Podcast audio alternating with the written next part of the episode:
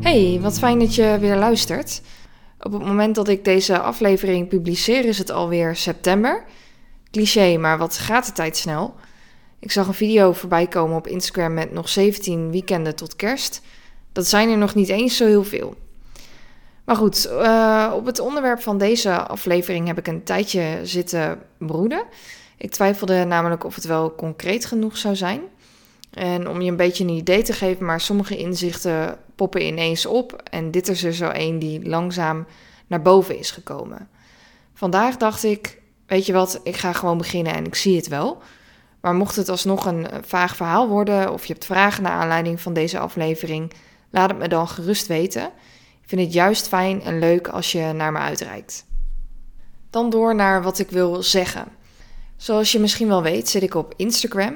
En dit kan een plek zijn van inspiratie, maar je kunt er ook onzeker en ongelukkig van worden van al dat vergelijken.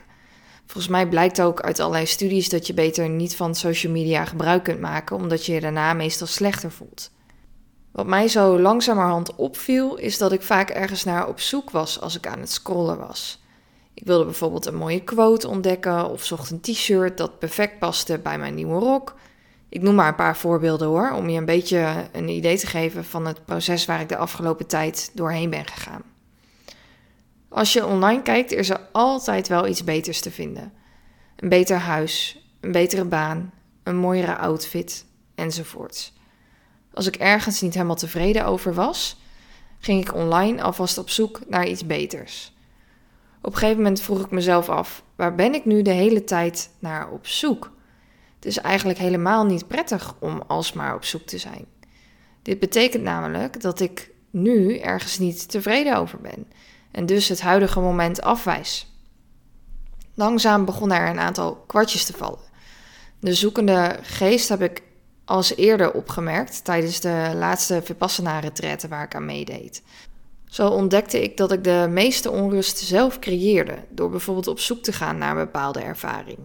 Tijdens een retraite daarvoor had ik een aantal fijne ervaringen. En stiekem hoopte ik dat ik dezelfde geluksmomenten weer zou beleven.